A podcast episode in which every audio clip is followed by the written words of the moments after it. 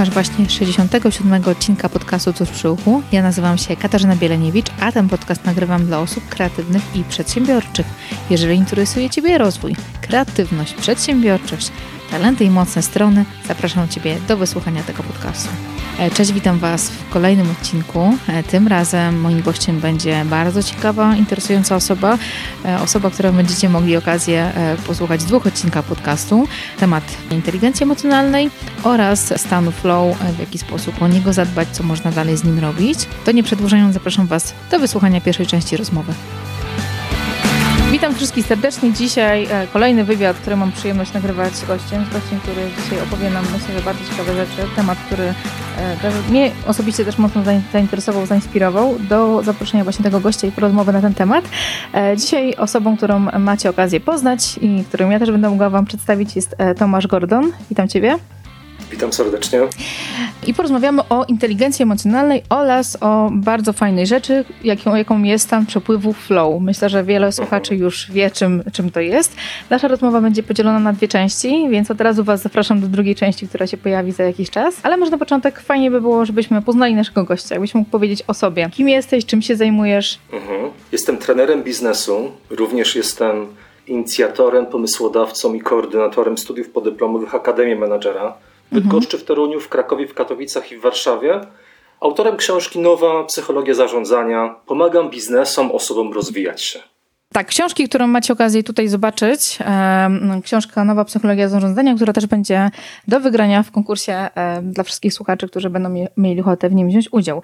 Jakby to, to co nas łączy też, bo czytałam twój, twoje bio i też czytałam książkę, jest to, że obydwoje kochamy pomagać ludziom odkrywać ich potencjał, tak? I e, tak jak czytałam to w książce i też widzę też w twojej komunikacji, to dla mnie też osobiście ważny, ważny, ważnym aspektem mm, w ogóle w pracy, czy jeżeli jesteśmy menadżerem, liderem, właścicielem firmy, czy w życiu prywatnym rodzicem, to ten bardzo ważny aspekt, który e, jest podstawowy, o który też często wiele osób zapomina, jest samoświadomość. To, żeby dobrze Ciebie poznać, być świadomym swoich mocnych stron, e, ale też słabości. I to też jest jedna z takich kompetencji, mm, może kompetencji, jeden z obszarów, który jest, o którym Ty też opowiadasz, bycie skutecznym menedżerem czy liderem, czyli samoświadomość. Dlaczego tak wa ważne jest e, poznanie siebie? Wiesz co, ja często rozpoczynając różne kierunki studiów wcześniej, mhm. prowadząc warsztaty, słyszałem w jakimkolwiek temacie wystąpienia, mhm. kompetencje menedżerskie, sprzedażowe, etc.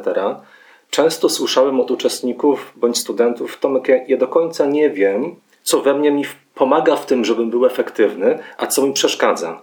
My w takiej gonitwie, będąc w środku tych sytuacji, mhm. raczej mamy małą możliwość, żeby dokonać wglądu. Teraz chociażby ten moment niełatwy, który gdzieś tam wszystkich, wszystkich nas dotyka.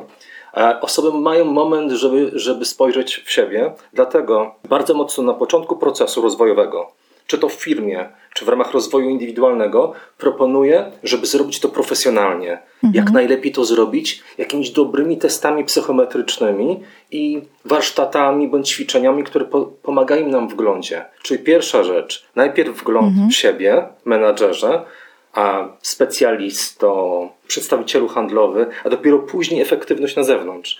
Ja bardzo lubię, pewnie się z tym spotkałaś, powiedzenie Coveya, autora siedmiu nawyków skutecznego działania. Nie ma zwycięstwa publicznego, zanim nie nastąpi wcześniej zwycięstwo prywatne. Osobiste. Dokładnie. Więc tutaj następuje zwycięstwo. Wiem, co jest moją mocną stroną, wiem, nad czym powinienem pracować, a potem następuje zmiana i efektywność prywatna, y, prywatna a potem na, na, na, na kanwie tego publiczna. Mhm. Myślę, że to jest ważny, bardzo ważny punkt, taki, który mm, mm, ja też obserwuję, że wiele osób zapomina o tym elemencie. Przechodzi od razu dalej, szuka narzędzi e, do bycia produktywnym, czy też, e, mm, e, czy też na przykład porównuje się z innymi. To jest najczęściej taki temat, który do mnie ktoś przychodzi, że czuje się źle z czymś, ale tak naprawdę wchodzi w obszary, w regiony, których to nie, nie są ich silne strony. Też porównuje się z osobami, które działają w zupełnie inny sposób, więc to, co powiedziałeś, myślę, że jest ważne.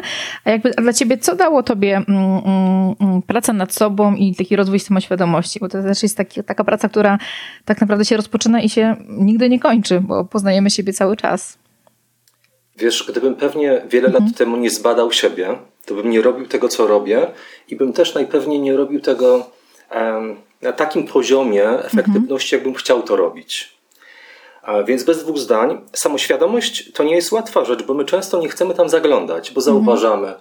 Rzeczy, które są nie do końca fajne, jakieś nasze wady, kompleksy, etc. Ale bardzo rekomenduję e, słuchaczkom i słuchaczom podcastu, żeby zerknąć w siebie z odwagą, ale jednocześnie z taką perspektywą odnajduję to, co jest dobre, ale też nie popadam w samozachwyt. Często faceci mają z tym problem. Niezależnie jaki mają brzuszek, stają przed lustrem i mówią, jak jestem fantastyczny. Tak naprawdę warto zauważyć też te elementy do korekty, bo jeżeli tego nie zauważamy, to nie następuje żaden progres. Mm -hmm. Czyli zarówno te mocne strony, e, te słabości, ale też te ciemne, ciemne sfery, na które gdzieś tam najchętniej byśmy zostawili je w kącie i e, nic, tak. nic z nimi nie robili. -hmm. Zgadza się. Wiesz, jeszcze jedna rzecz. My często e, być może to jest jakaś przypadłość społeczeństwa naszego. My lubimy grzebać w tym, co jest ciemne i tam zostajemy. Mhm. Ja to mhm. nazywam w książce ramą problemu. Czyli gdzieś tam zauważamy jakieś niefajne, ciemne rzeczy, wady, e, e, rzeczy, które nam się nie udały i tam wskakujemy i tam trwamy. To jest zły patent na efektywność. Psychologia pozytywna o tym mówi. Mhm. Z drugiej strony też zarówno te mocne strony, które widzimy w sobie i też te słabości, to jest ten pierwszy krok. Poznaj siebie, zdiagnozuj, czy użyj właśnie jakiegoś narzędzia. Tak, ja używałam narzędzia badania e, Galupa, tak, który diagnozuje mocne strony i talenty. Ty wiem, że używasz też innych narzędzi. E, I to jest pierwszy krok. Często ludzie odkrywają to, nic dalej z tym nie robią, nie idą krok dalej, czyli nie pracują z tym, co powiedziałeś, albo z cieniami, e, czymś, co nam przeszkadza w naszej produktywności, albo właśnie z mocnymi stronami, żeby je rozwijać, żeby tak naprawdę je budować. Jakby to jest taki, myślę, że bardzo ważny aspekt. To też mówisz o swojej książce o tym, że skuteczny menadżer jakby działa w tych trzech obszarach.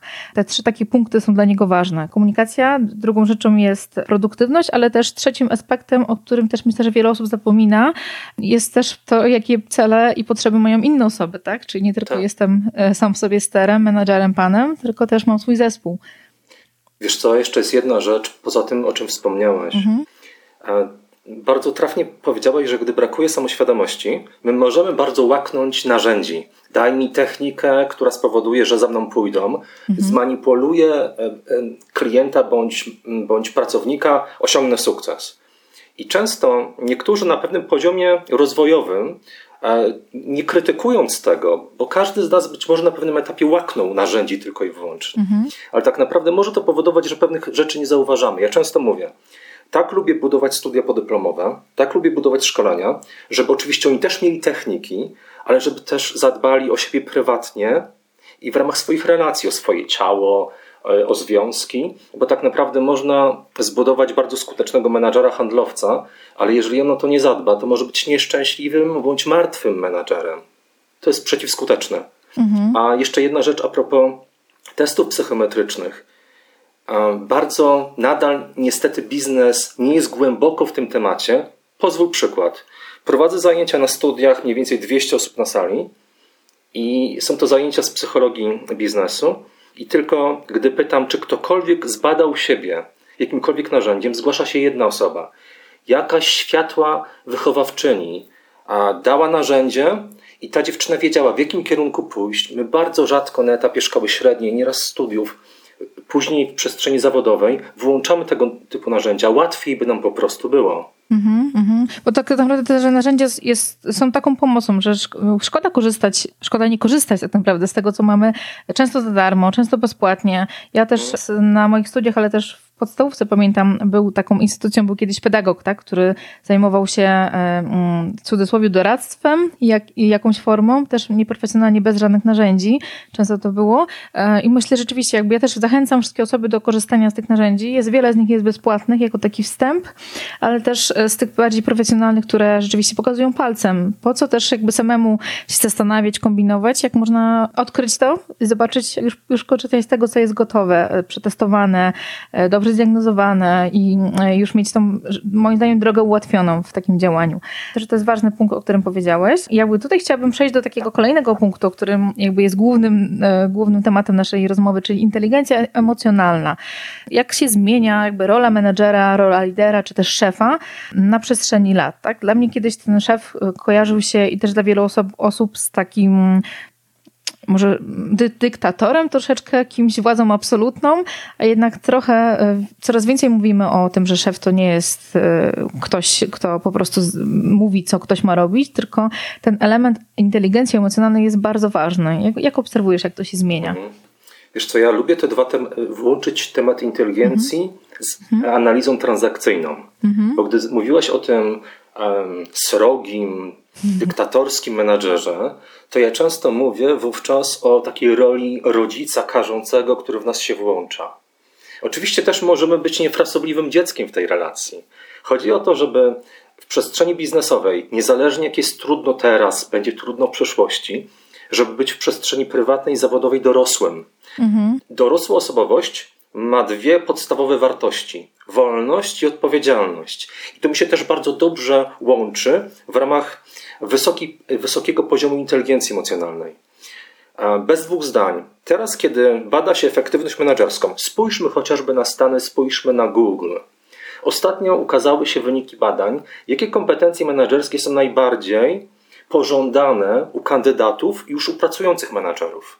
Okazało się, że jeżeli menedżer posiada miękkie umiejętności coachingowe, motywowania, zarządzania zmianą, e, pokazywania pewnej przestrzeni rozwojowej, e, włączania przestrzeni kreatywnej, jest najbardziej efektywny i pożądany na rynku pracy. Innymi słowy, żeby to włączyć, to też widać bardzo mocno w badaniach testami psychometrycznymi. Mhm. Tego typu kompetencje mają zazwyczaj osoby, które mają wysoki poziom inteligencji emocjonalnej. To znaczy, są samoświadome siebie, pierwszy krok, zauważają pewne rzeczy na zewnątrz, czyli nie są w takim narcystycznym, egotycznym świecie tylko ja, zauważają rzeczy wokół i potrafią, na to, potrafią wpływać na emocje innych. Kiedy negatywne emocje włączają się we mnie, potrafię je wyciszyć, ale kiedy one są niezbędne, w psychologii jest zjawisko irradiacji. Jeżeli ja nie włączę emocji, to ludzie nie włączą ich u siebie i nie pójdą e, za mhm. tobą, nie pójdą za grupą. Są niezbędne.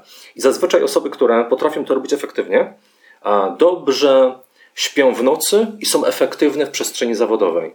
Ci, którzy są porywani porwaniami emocjonalnymi, jak ci, którzy całkowicie emocje wyłączają, zakładają poker face, maskę gracza jestem bezemocjonalnym menadżerem, ci często mają podgórkę i w ramach takiej skrajności dotykają się na poziomie jakichś problemów natury prywatnej, zawodowej, mm -hmm. aksamitny mobbing, problemy z używkami, etc. Mhm. Jakby analizując wyniki badania e, Galupa i się pojawia taki e, jeden z obszarów, jakby, który jest mocną stroną takich grup, grup talentów, czyli u nas to się nazywają domeny, jest budowanie relacji, tak? czyli takie miękkie, e, miękkie talenty, tak, tak zwane. I bardzo często spotykam się z taką opinią, że to nie są zupełnie menedżerskie talenty, że jakim mogą być szefem, mając takie miękkie, tak? Czyli bardzo często e, z takim stereotypem gdzieś jeszcze, który gdzieś nas, e, w nas gdzieś jest, że będąc szefem powinienem mieć jakieś inne cechy, tak? Myślę, że to jest jeszcze w świadomości gdzieś istnieje, ale to, co powiedziałaś o Stanach, tak? Ja, ja jakiś czas temu oglądałam e, bardzo fajny na Netflixie dokument o Billu, Billu Gatesie, tak? Tam jest taki mini serial dotyczący jego życia, jak on funkcjonuje, jak on działa i to, co mnie jakoś bardzo mocno zaskoczyło, to mm, to, jak on powiedział o swoich dzieciach, że też stara się im mm, nie jakby to, to, co chciałbym najbardziej przekazać, to właśnie te umiejętności kontaktu z ludźmi, te rzeczy społeczne, których do pewnego momentu, jak się ich nie nauczymy, to mamy potem większą trudność, tak? A elektroniczne, wszystkie narzędzia, czyli też to, co ta firma robi, to są rzeczy wtórne, których łatwo jest nam w stanie się nauczyć, więc myślę, że coraz więcej dostrzega osób e, tą wartość tego. Kasiu, w zasadzie każdy e, z młodego pokolenia jest genialny w tych narzędziach. Mhm. Ja często nazywam to pokolenie pokoleniem Google one też daje wyzwania nam, osobom, które zarządzają, prowadzą warsztaty, bo oni, kiedy coś się dzieje, kiedy my coś mówimy, na przykład teraz, mhm. cokolwiek powiesz ty, cokolwiek powiem ja, oni biorą swoją komórkę i sprawdzają w Google. Kwestionują, mają do tego, do tego prawo. To jest jedna rzecz. Druga rzecz, my często, a propos inteligencji emocjonalnej, na poziomie wiedzy przyjmujemy do pracy cały czas, walczę z tym, uczę tego menadżerów, mm. żeby robili to inaczej. My bierzemy CV i robimy mm, tak zwany wywiad biograficzny. Sprawdzamy, co się działo. Sprawdzamy de facto wiedzę. E, zadajemy pytania hipotetyczne. Co by pan zrobił, gdyby? A tak naprawdę e, zazwyczaj zatrudniamy kogoś, bo ma wiedzę cały czas, niestety, a zwalniamy, bo nie ma umiejętności miękkich. Mhm. Więc ja bardzo rekomenduję, jeżeli jesteś menadżerem, Jeżeli chodzisz na rekrutację, to głównie zadbaj, żeby pokazywać miękkie rzeczy, bo one mogą spowodować ten błysk, a z drugiej strony, kiedy, kiedy zarządzasz i rekrutujesz, zwiększasz prawdopodobieństwo tego, że ta osoba się nie wywróci. Jeszcze jedna rzecz a propos tego młodego pokolenia. Badania wskazują, że mamy teraz na rynku pracy wchodzi bądź e, nie, za moment wejdzie pokolenie o najniższym poziomie inteligencji emocjonalnej w historii badania tego parametru. To jest ogromne wyzwanie dla menadżerów, dla firm i dla tych poszczególnych pracowników, którzy są z tego młodego pokolenia i mają problemy z motywacją, zaangażowaniem, są bardzo labilni, wrażliwi emocjonalnie. Mhm. I jak możemy się przygotować trochę na tą falę, o której mówisz? Jak menadżer może się przygotować do przyjęcia tej grupy, tak, która też jakby nie wszystko jest od nich zależne, tak? Oni po prostu się w takim świecie też urodzili i takie rzeczy zostały im przekazane. E, jak oni się mogą do tego przygotować? Po pierwsze, gdy nałożymy na to bat, mhm. to tak naprawdę może się pojawić w szczególności, kiedy oni mają dużą alternatywę. Teraz trochę mniej z racji sytuacji oczywistej, wirusowej, nie wiem, jak będzie w momencie e, emisji programu, ale może być różnie. Natomiast mają wiele alternatyw. Mogą pójść w to miejsce, mogą pracować tam, mogą pracować zdalnie, mogą wyjechać za granicę, a BAT może powodować, że włącza się w nich opór. W psychologii jest takie zjawisko, niech też słuchacze wybaczą, i ty też, Kasia, będę włączał nieraz takie rzeczy, bo ja bardzo opieram to, o czym piszę mhm. E, i to, co rozwijam na jakichś faktach naukowych. Jest w psychologii takie zjawisko irradiacji, które mówi o tym przenikaniu emocji, ale drugie, też na, też na mhm. R, to reaktancja, czyli opór na wpływ. Jeżeli my za bardzo na kogoś wpływamy, to ten ktoś staje oporem, co jest szansą. Szansą jest danie e, alternatywy, przestrzeni takiej rozwojowej temu młodemu człowiekowi, bo on ma wiele talentów, ale jednocześnie posiadanie miękkich umiejętności, żeby wyjść poza moje ja zauważyć jego zakręty, trudności, nieraz być z nim. Nie w sensie terapeutycznym, ale jednak bez dwóch zdań warto mu pomagać, bo oni mogą być bardzo kompetentni technologicznie, są genialni, ale na mhm. poziomie pewnych kompetencji miękkich jest to raczej kompetencja w jakiejś stety, niestety odwrocie. Chociażby o tym pisze, czy jest, jest to opisane w książce I, Jen o pokoleniu, które urodziło się po, 80, po 97 roku gdzie tak naprawdę bardzo mocno spadł ten poziom inteligencji społecznej i emocjonalnej. No i teraz mamy jakiś problem, zarówno te osoby, jak również mhm. Mhm. Myślę, że tych wyzwań jest dużo i też jakby to, co nam może pomagać, to taka edukacja wzajemna i jakby też obserwacja siebie, bo myślę, że to też jest taki ważny punkt. Powiedziałeś tutaj o tym wcześniej, że jest wiele badań, które e, diagnozują poziom inteligencji emocjonalnej, a jak my możemy zbadać, jaką ja mam inteligencję emocjonalną, jaką na przykład mój zespół, którym współpracuję, e, jaki ma poziom? Czy są do tego jakieś konkretne narzędzia? Są narzędzia. Mhm. Można to też badać e, pewnymi zadaniami. Mhm. Ja do tego używam testu e, psychometrycznego Master Person Analysis, który między innymi bada parametr bardzo, bardzo ważny dla inteligencji emocjonalnej zarządzania emocjami. Mhm. I tam możemy zobaczyć osobę, która albo zakłada maskę, wyłącza jej całkowicie, albo jest całkowicie labilna, albo potrafi efektywnie tymi emocjami zarządzać. Ale też ja bardzo rekomenduję chociażby osobom, które zarządzają, rekrutują, żeby być może na początku rozmowy trochę w ramach takiego small talku zadać pytanie, które bada ramę rozwiązania bądź ramę problemu. Ona też w istocie mówi o inteligencji emocjonalnej. Ja często pytam, trochę zdradzając mhm. wstęp do rozmów rekrutacyjnych. Mhm. Tak, jeszcze, jeszcze nie do końca usiedliśmy, jeszcze nie pojawiają się te takie mocne pytania. Zadaję pytanie i też uczę tego menadżerów, żeby od takiego wątku być może rozpoczynali. Załóżmy, że przede mną siedzisz ty, Kasiu, i mówię do ciebie, Pani Katarzyno, ciekawi mnie bardzo, co dobrego się dzisiaj w Pani życiu wydarzyło. Mhm. I paradoksalnie e, nierzadko zdarza się, że osoby po drugiej stronie, nawet na rekrutacji, mówią: O Boże, ten wirus, o Boże, e, ta stagnacja, o Boże, ta pogoda, już nie mogę się doczekać wiosny, głowa mnie boli, tracę motywację. Czyli tak naprawdę wchodzi mhm. bardzo mocno w ramę problemu, opowiada o niej. A co my możemy, jaki możemy wniosek wyciągnąć z mhm. tego, że ktoś już na etapie początkowym jest w tej przestrzeni, to może mówić o tym, że nie potrafi zadbać o taką klarowność wewnętrzną, wyrzuca to z siebie, nawet w momentach, kiedy nie powinien tego robić. Najpewniej, kiedy zaprosimy go do organizacji bądź na, do naszego życia prywatnego, mhm. będzie tego więcej. Więc wtedy menadżer może podjąć decyzję, wyłączając pewne pytania bądź zadanie rekrutacyjne, żeby zauważać, jak ten człowiek radzi sobie z emocjami, stresem, czy potrafi je opanować, czy być może w sposób irracjonalny wybucha. Nawet na etapie rekrutacji mogą być takie mikrosygnały niekontrolowania tychże emocji. Mhm. A ostatnia rzecz, kiedy chce, chcecie menadżerowie zbadać to, kiedy zarządzacie bądź chcecie zatrudnić kogoś, sprawdzajcie to przez opis przeszłych wydarzeń. Czyli co się wydarzało wcześniej e, w ramach, w ramach konkretnego, konkretnego działania, o to warto pytać. Mhm. To się wydarzyło, jak też zareagowaliśmy na to, tak? O, o to też tak. chodzi, nasze reakcje bo, na różne sytuacje. Tak, mhm. bo, bo naj, najczęstszym problemem jest to, że my w trakcie, w trakcie rekrutacji pytamy, co by pan zrobił, gdyby? Ale mhm. wtedy on może pięknie nam odgrywać. Rekrutacja podobna do randki. Zakładamy maskę, odgrywamy pewną, pewną pozę. Więc warto tak naprawdę pytać o przeszłość, bo tam jest źródło wiedzy. Jeżeli chodzi o, e, jeżeli chodzi o przyszłość, nie wiemy, jak ona będzie. Mhm. Mhm. Też myślę, że teraz jest taki dobry moment też nawet dla nas, do takiej auto, auto e, obserwacji, jak ja reaguję na tą sytuację, która jest teraz, tak? Czy panikuję, czy co robię, czy coś, mam jakąś taką proaktywną postawę, jak też się z tym czuję. Powiedziałeś o tym, że można to rzeczywiście badać, ale też można to po prostu obserwować u osób, które gdzieś są wokół nas. A czy są jakieś takie typy osób albo typy osobowości, które mają trochę trudniej i też ta inteligencja emocjonalna jest dla nich jakimś wyzwaniem, żeby się jej nauczyć? Wiesz co, to jest trochę funkcja naszego mózgu. My mhm. dojrzewamy do tego i około 21 roku życia ta struktura przedczołowa się tworzy, która zarządza emocjami. Jedna rzecz. Warto przyjąć to, że my, i to jest całkowicie normalne, jesteśmy emocjonalni często irracjonalni.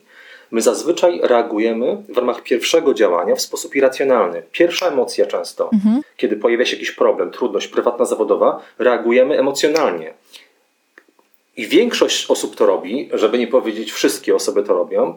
Te, które mają wyższy poziom inteligencji emocjonalnej, to osoby, które potrafią wtedy zrobić stop, spojrzeć na siebie z pewnego dystansu, nazwać to coś w sobie, przez to następuje już pewna forma kontroli, podjąć dorosłą decyzję, czy to coś, ta reakcja pomoże mi, żeby cel zrealizować, czy mi przeszkodzi. Wszyscy reagujemy emocjonalnie, ale ci o wysokim poziomie inteligencji emocjonalnej potrafią się zatrzymać. Mhm. Jeżeli się nie potrafimy zatrzymać, to niestety na przestrzeni prywatnej i zawodowej możemy dokonać wielu niedobrych rzeczy. Możemy pewne związki rokujące zniszczyć i możemy też niektórych pracowników zdeptać jakimiś e, niedobrymi emocjonalnie reakcjami. Mhm. I też nawet jest chyba tak, też takie pojęcie, jak, jakim jest afekt, tak? Działanie w afekcie, czyli rzeczywiście pod wpływem silnych emocji, gdzie często to działanie w jakiś sposób odcina myślenie całkowicie, tak? I wtedy możemy zrobić coś, coś nawet, jakieś przestępstwo tak pokonać, wykonać, które e, jest pod wpływem silnych emocji, które jak rzeczywiście nad tym nie kontrolujemy. Mhm. Mm, czy kobiety mają większą e, inteligencję emocjonalną, czy mężczyźni? Często ta empatia to jest bardziej domena kobiet. Czy tak jest, czy, czy nie, czy niekoniecznie? Czy to jest taki mit? Wiesz co, w dużej mierze tak jest jest to wynik no, tego wszystkiego, z czym się rodzimy.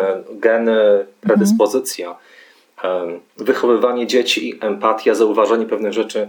Kobiety chociażby na poziomie mowy ciała więcej emitują elementów komunikacji niewerbalnej, i też więcej potrafią zauważyć. Mężczyźni na tej niwie są no, bardziej upośled, upośledzeni. Tak chciała natura. Mhm. Natomiast wracając do Twojego pytania. Inteligencja emocjonalna przejawia się w trzech wymiarach psychologicznych. Pierwszy wymiar to samoświadomość. Świadomość siebie, też taka uważność pewnych rzeczy wokół nas, co można tutaj też włączyć ten aspekt empatii, o którym powiedziałeś. Mhm. I tutaj bez dwóch zdań kobiety dominują są często bardziej samoświadome, bardziej inwestują w swój rozwój. Większość słuchaczek na, na moich studiach to e, kobiety. E, większość uczestników moich e, szkoleń to również kobiety. One czują potrzebę rozwojową i bez dwóch zdań chcą się wzmacniać. Pytanie, dlaczego nadal ich jest zdecydowanie za mało u władz państwa, czy we władzach państwa, czy, mhm. czy gospodarki.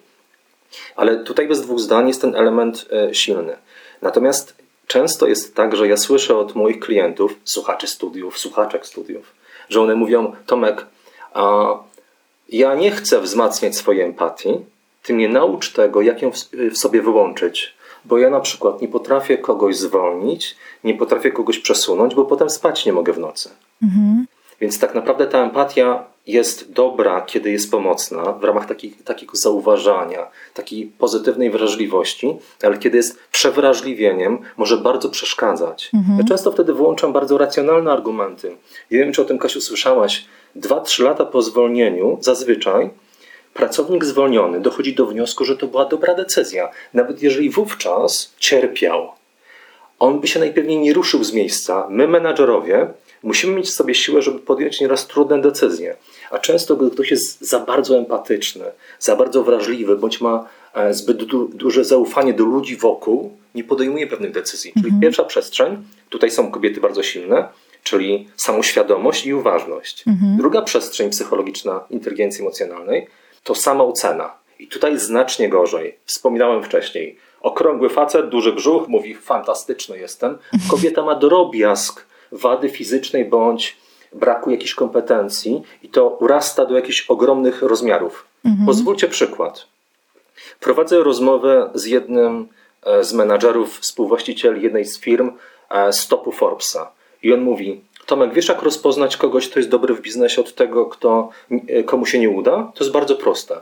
Wiesz co? Osoba, która jest skuteczna, osoba, która e, nie jest skuteczna, chce wszystko dopracować do naj, największego szczegółu, chce dopiąć wszystko na ostatni guzik, usługę, produkt, bądź siebie, kiedy wejdzie w jakiś biznes, ale najczęściej wówczas jest już za późno. Osoba, która jest skuteczna w biznesie, jest w pewnym procesie, nie wszystko jeszcze domknęła, wchodzi z odwagą. I nieraz właśnie tego wejścia z odwagą brakuje właśnie kobietom. Mhm. Bardzo rekomenduję słuchaczkom teraz, mówię do niej naszego, e, naszej rozmowy, żeby pozwolić sobie, zauważając dobre rzeczy, rzeczy do zmiany, założyć, że jestem ok i mogę już wejść w ten proces, będę zmieniała coś w trakcie, ale zrobię to teraz. Najczęściej my za długo czekamy, a wtedy ktoś pięknie wskakuje w tę niszę. I trzecia przestrzeń po e, uważności e, po, i, e, i samoświadomości, po samoocenie, to zarządzanie emocjami. I tutaj też Stety, niestety, w tej analizie badań psychometrycznych większość kobiet jest bardziej po tej lewej stronie, osób bardziej emocjonalnych. Znowu wychowanie, dziecko, uważność, dawanie miłości. Ale tutaj też e, kolejna rzecz, tutaj może Ciebie i słuchaczki zaskoczyć. Ja nieraz pracując z kobietami biznesowo, uczę je, żeby uśmiechać się rzadziej w biznesie niż, niż się wcześniej uśmiechały. Bo nieraz uśmiech paradoksalnie wskazuje na słabość niż na siłę. I to rzeczywiście pomaga? Takie, takie ćwiczenie? Tak, wiesz co, nieraz tak naprawdę mhm. ja chyba też w książce o tym wspominam. Mhm. Nieraz takie mikro rzeczy mogą powodować, że coś nam się udaje bądź nie. Chociażby w książce opisuję sytuację, kiedy jedna przedstawicielka handlowa patrzyła na czoło swojej szefowej.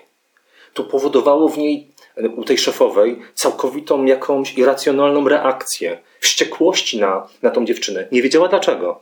Zazwyczaj jest tak, drobiazg, kiedy mhm. patrzymy na czyjeś czoło, w szczególności kobiet, one czują się dyskomfortowo i wchodzą w reakcję obronną.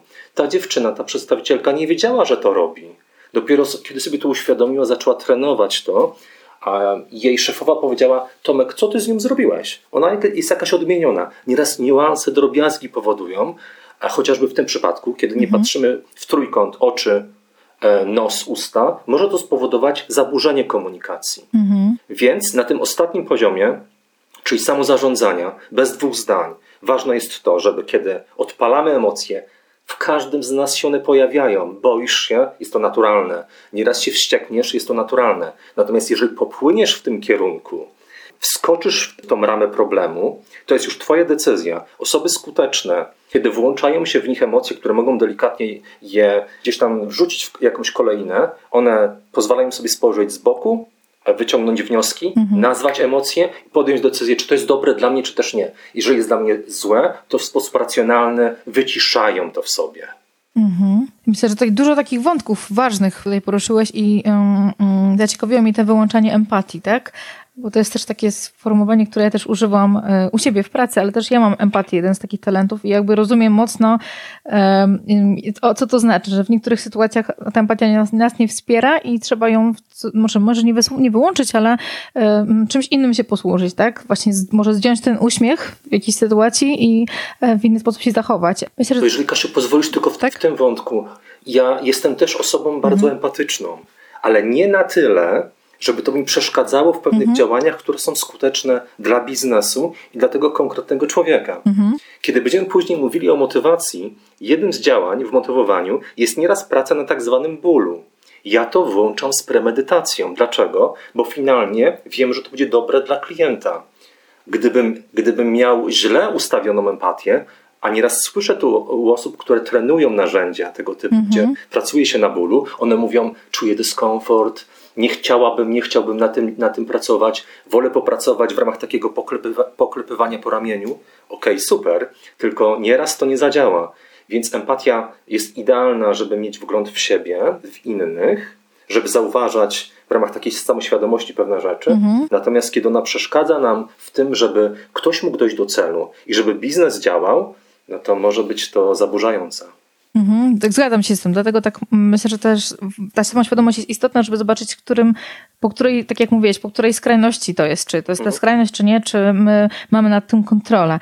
Jest taka książka, którą kiedyś na studiach już czytałam, to chyba jest podstawowy podręcznik do inteligencji emocjonalnej Golemana, w e, mhm. której jest dużo takich ćwiczeń, pomocnych do tego, jak można e, ćwiczyć emocje, czy też rozpoznawać, czy e, dbać o swoją inteligencję emocjonalną. Czy to jakieś jeszcze fajne lektury, fajne, mm, czy miejsca w sieci, czy narzędzia takie, których możemy zacząć sobie czytać, trochę bardziej poznać ten temat inteligencji emocjonalnej. Czy coś możesz nam polecić?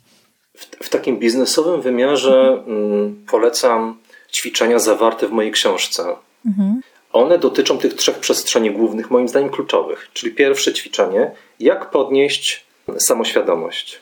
Drugie ćwiczenie, jak podnieść samoocenę. Trzecie ćwiczenie, jak zarządzać emocjami. Bo to jest tak, ten fundament psychologiczny potem odpala kolejne rzeczy. Mhm. Jestem kreatywny, jestem wewnętrznie sterowalny, potrafię motywować innych. Kluczowa rzecz, w szczególności w dobie kryzysu, jak zmotywować siebie, powiedzieć sobie, będzie pomimo wszystko dobrze, pomimo, że wszyscy wokół krzyczą katastrofa. Zachowanie tego, tej stabilności wewnętrznej jest bardzo ważne mhm. dla naszego systemu immunologicznego, dla naszego biznesu, dla naszej rodziny. Więc tak naprawdę polecam, polecam ćwiczenia z książki. Jest też sporo ciekawych artykułów. Ja starałem się, żeby ta książka była esencją tego wszystkiego, co działa. I co jest interesujące, też e, pod koniec tej książki podane są e, książki również z mhm. tematu związanego z inteligencją emocjonalną, zarządzaniem, zmotywowaniem, które mogą być e, e, kolejnym krokiem w rozwoju kompetencji. Okej, okay. a na którym e, momencie, mm, czytamy książkę twoją, też może przeglądamy jakiś materiał w internecie, w którym momencie powinniśmy, jeżeli czujemy, że mm, chcemy coś robić dalej, zaprosić kogoś do pracy, bo też jest ten element, który możemy, ten element pracy, który możemy wykonać samodzielnie, no ale jest tak naprawdę, to jest tylko pierwszy krok, tak? Kiedy warto kogoś zaprosić do pomocy, do pracy nad sobą i jakie to mogą być osoby? Ja proponuję bez dwóch zdań rozwój z drugim człowiekiem. Teraz jest mhm. to trochę trudniejsze, bardziej w formie online'owej. Mhm. Natomiast książka może być zaczynem. My się w tym przeglądamy. Nie wiem, czy o tym słyszałaś, nie wiem, czy też słuchacze słyszeli o takim pojęciu. Ja również o nim wspominam w książce. Jest takie pojęcie opisane przez polskiego psychologa, e, które nazywa się pozytywną dezintegracją. W naszym życiu następują tąpnięcia. Tak jak kiedyś powiedział autor e, Potęgi Teraźniejszości. Są te wyżyny, ale mhm. również są te doły. Kiedy my jesteśmy w tym dole, e, jeżeli my się przyjrzymy tej sytuacji, możemy wyciągnąć bardzo dobre wnioski dla siebie, gospodarki, firmy i potem nastąpi bardzo ciekawy progres po tym trudniejszym momencie ale jest często kłopot, że my w tym trudniejszym momencie całkowicie ignorujemy sygnały, a potem nasze ciało, nasz biznes, konkurencja pokazuje nam, popełniłeś błąd, popełniłaś błąd, nie wyciągnęłaś, nie wyciągnąłeś, nie wyciągnąłeś e, wniosków. Mhm. Więc um, pytasz, e, py, e, pytasz o etap, kiedy... Mhm, kiedy... Kiedy możemy, kiedy tak jak swojego doświadczenia efektywnie jest włączyć drugą osobę. Kolejną osobę. Mhm. Po, po samoświadomości na przykład książki, to mhm. może być zapisanie się na kurs, studia, albo kiedy ktoś woli bardzo intensywną, głęboką pracę jeden na jeden, są to sesje bądź coachingowe, mentoringowe, bądź nieraz na zachodzie jest to całkowicie normalne. A w Polsce jeszcze nadal, kurczę, chodzisz do psychoterapeuty dziwne, bądź właśnie pójście do psychoterapeuty. Poukładaj mhm. siebie wewnętrznie. I nieraz Kasia, mm, kiedy wcześniej więcej rekrutowałem niż teraz, teraz bardziej uczę tego i różnych innych technik menedżerskich, to ja, kiedy spotykałem się z osobami, które przychodziły na rekrutację, nieraz na bardzo wysokie stanowiska, wewnętrznie wszystko we mnie wołało: idź do terapeuty. Innymi słowy, można siebie poukładać. A być może ten czas, który jest teraz, można spożytkować na wgląd, książki, rozwój, być może skorzystanie z pewnej porady, testu, jednego bądź drugiego, mentoringu, e, psychoterapii, żeby potem e, taki, w ramach takiego fundamentu mhm. silnego wejść do efektywności i budować szczęśli, szczęśliwiej e, przestrzeń zawodową i prywatną. Mhm. Bo kiedy my nie mamy tego wglądu, to stety, niestety, my cały czas powtarzamy wcześniejsze błędy. Mhm. Więc to, to, bardzo zależy od charakteru. Niektórzy chcą iść do ludzi i w ramach takiej większej zbiorowości warsztatowej bądź studiów podyplomowych chcą rozwijać. Niektórzy wolą bardziej intensywnie, w głąb. Wtedy relacja e, feedbackowa, jeżeli chodzi o testy psychometryczne, mentoringowe bądź psychoterapeutyczne. Ja też bardzo często, jak pracuję z kimś, kto ma o tym, że my jesteśmy, nie jesteśmy nie tylko liderem, menedżerem, właścicielem firmy, tylko jesteśmy człowiekiem, tak? I to, co się dzieje za drzwiami w domu prywatnie, wpływa na te wszystkie obszary. Że jesteśmy jednak nie tylko pracownikiem, ale też człowiekiem, który z tym całą, całą um, pięknem całym, ale też wszystkimi trudami e, jest związany. Mhm. Tak, i w tym kontekście um, irracjonalnym marzeniem jest to, kiedy menadżer chce odseparować całkowicie życie zawodowe od prywatnego u swojego mhm. pracownika i u mhm. siebie, to po prostu jedno na drugie wchodzi. Ja w książce opisuję parę przykładów w ramach dochodzenia do wewnętrznej motywacji i ona jest, swoje źródło ma najczęściej w przestrzeni prywatnej. Mhm. I oczywiście, jeżeli robimy to w ramach dobrej intencji, to pracownik może nas tam wpuścić. Jeżeli finalnie pomożemy mu dojść do tego rozwiązania. Ale to też jest ogromna odpowiedzialność. Ja wiesz, kiedy teraz pojawiają się opinie o książce, często słyszę Tomek, po raz pierwszy spotkałem się, spotkałam się, żeby ktoś w tego typu książce o zarządzaniu pisał o intencji, o pozytywnej intencji. Dla mnie jest to kluczowe, bo te wszystkie narzędzia, e, o których tutaj e, napisałem w książce, też w dużej mierze te wątki, które poruszamy w, naszej rozmowie, one mogą być wykorzystywane do socjotechnik różnego rodzaju, mm -hmm. do mhm. łączania ich, do manipulowania, ale mogą być też wykorzystywane do bardzo dobrych rzeczy. Mm -hmm. Chodzi o intencje. Mm -hmm. Dlaczego ty coś robisz? Mhm. Czy robisz, żeby pomóc drugiemu człowiekowi, żeby on zrealizował swoje cele, e, finalnie Twojego zespołu, finalnie całej organizacji, czy po to, żeby go zmanipulować, wycisnąć z niego wszystkie siły, a potem wyrzucić? Mhm.